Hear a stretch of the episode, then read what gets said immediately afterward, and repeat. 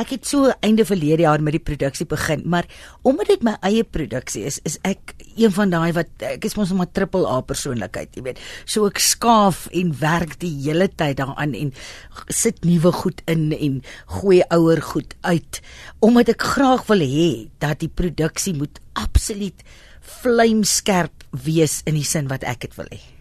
So jy het geskryf? Ja, ek het geskryf. Ek doen dit self ook. Rarig. Ek kry ja, ek doen die regie ook self, maar wat ek dikwels doen en dis maar 'n baie nuwe ding vir my. Dis nie dat baie van die regisseurs, die regisseurs met wie ek graag wil werk, is baie besig. Jy weet, en 'n mens het nie altyd uh, jy kan nie altyd jou tydlyn aanpas nie. Mm. Maar ek sorg dat ek baie eerlike vriende en kundige vriende uit die bedryf kry wat vir my kaalvuis uh, kan terugvoer gee. So as jy self jou regie doen, ek wonder altyd ja. hoe werk dit? Staan jy letterlik voor 'n spieël en doen dit? Glad nie. Glad nie. Jy jy is nou ook jy het mos nou ook drama geswat. Mense het mos daarom um, jy weet ek is van jaar 34 jaar in die bedryf. So net so oor die 2000 produksies later, dit maak jou glad nie alwetend nie. Mm, maar jy, maar jy het daarom 'n bietjie van 'n alfabet en ek het ook 'n baie goeie verhoogbestuurder, jy weet Hanne kom wat vir my fantastiese terugvoer gee wat ook, jy weet eers uh, wat drama geswat het en gespeel het en so aan. So ek sorg dat ek regtig mense om my kry wat wat vir my die waarheid gaan sê, nie net vir my vertel dat dit oulik is nie. Dis nie wat ek wil hoor nie. Ek wil hoor wat is fout, wat maak nie sin nie. Mm. Ja, want op die punt in mense lewe ook waardeer mense daai eerlike kritiek, ja. Absoluut. Ek dink ons is nou volwasse genoeg om dit nie persoonlik op te neem nie. En jy weet op die ou end is 'n mens maar net 'n kanaal om 'n storie te vertel of die stories van die mensdom te vertel in watter vorm ook al. En, en, en dan is daar nie plek vir ego nie. Mhm. Mm Vertel my waaroor gaan met ander woorde? Met ander woorde gaan eersins oor my geweldige liefde vir woorde van kleins af. Ek het 'n tante gehad wat vir my lieflingstante wat vir my gesê het my kind jou dong, tong gaan deursluit. Jy praat so baie. En ek het regtig gepaniek daaroor.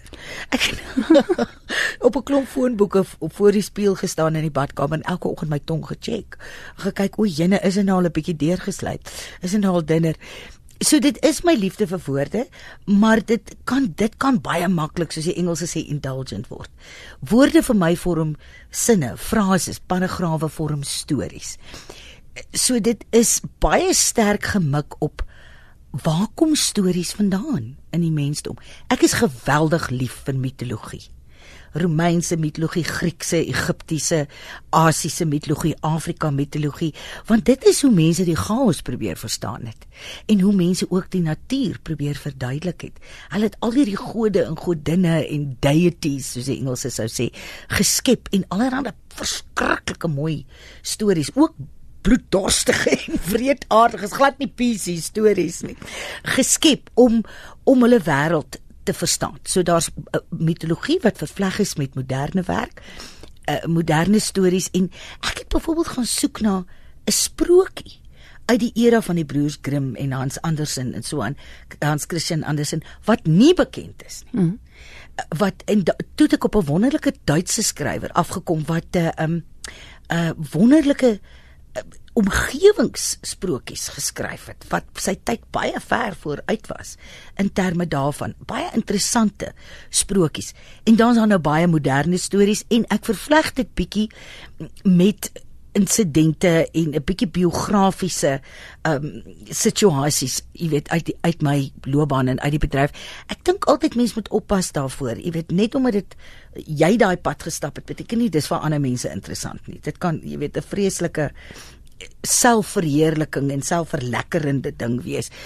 So ek probeer komedie, pathos, ironie, satire, um al die tra tragedie, bietjie tragedie, al daai goed vermeng in daai wonderlike pot van stories. Want as jy nou mooi daaraan dink, elke ding wat ons doen is 'n storie, of dit 'n nuusberig is, hmm. of dit feitelik is, of dit skinder is, of dit vergissings is, of dit uh totale fiksie is. Hmm. Alles omtrent ons is eintlik stories.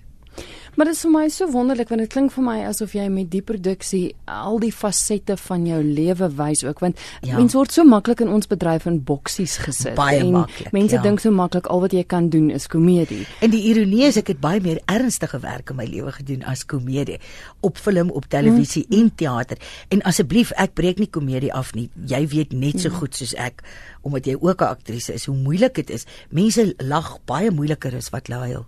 Ons huil almal oor dieselfde goed. Ons lag nie oor dieselfde goed nie. Mm. Wat vir een mens snaaks is, is vir 'n ander een verbode. So ek ek breek glad nie komedie af nie. Glad nie. Dis vrees aan jou hand. Maar dit is my lekker om om beide te kan doen en ek het verlede jaar met geheime taal my solo stuk wat suiwer, jy weet, uh, drama was met 'n klein bietjie komiese elemente in, maar baie klein. Het ek gesien, ek was baie dankbaar die huise het vol gesit. Staande ovasies en dit het oral waar dit gespeel het baie goed gedoen. So eh, 'n mens het miskien ook die wanpersepsie dat gehore dink jy wil net dit doen of jy kan net dit doen. Mm. Die die feit dat daar sulke wonderlike gehore was het gewys dat hulle bereid was om weer 'n kans te waag en iets anders van van Liz Meyering te sien. Wat vir my wonderlik ook is is dat daar so baie van ons akteurs self werk skep. Ja. Jy het besluit ja. ek ek doen dit. Ja. Wat is die geheim van 'n een persoon vertoning? Waagmoed. dit word nooit makliker nie. Ek het al 14 gedoen.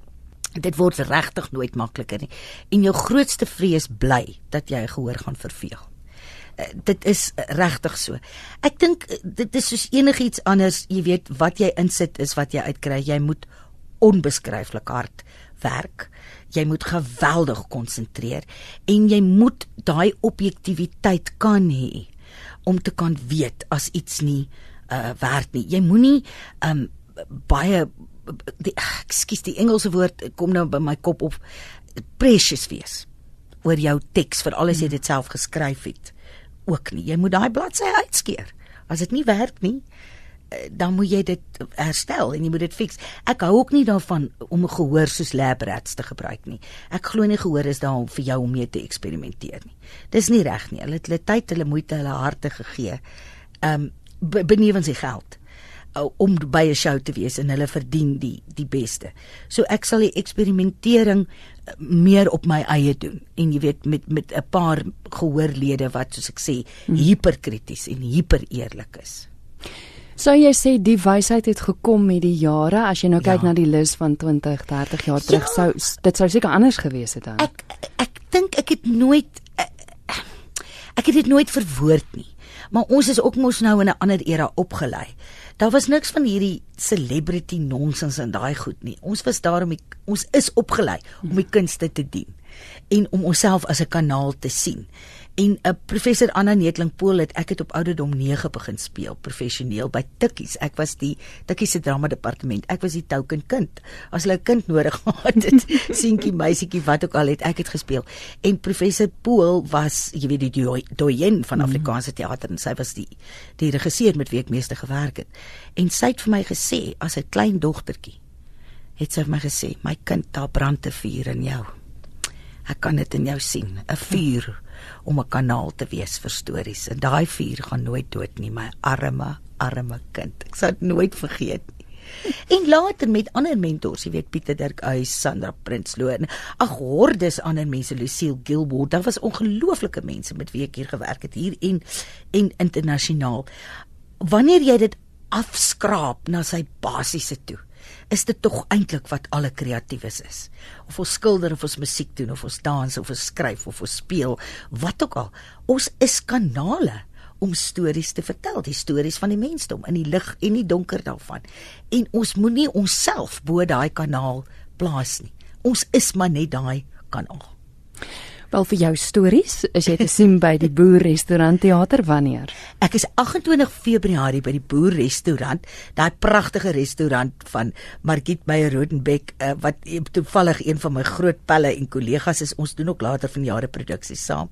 En haar man Jurg en die Boer se besprekingsnommer is 021 979 1911 ek sal dit herhaal 021 09791911 0891.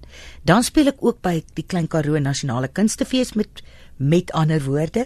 Klink so vreemd om te sê met met ander woorde. en dan die 4de April by die Atterbury Theater.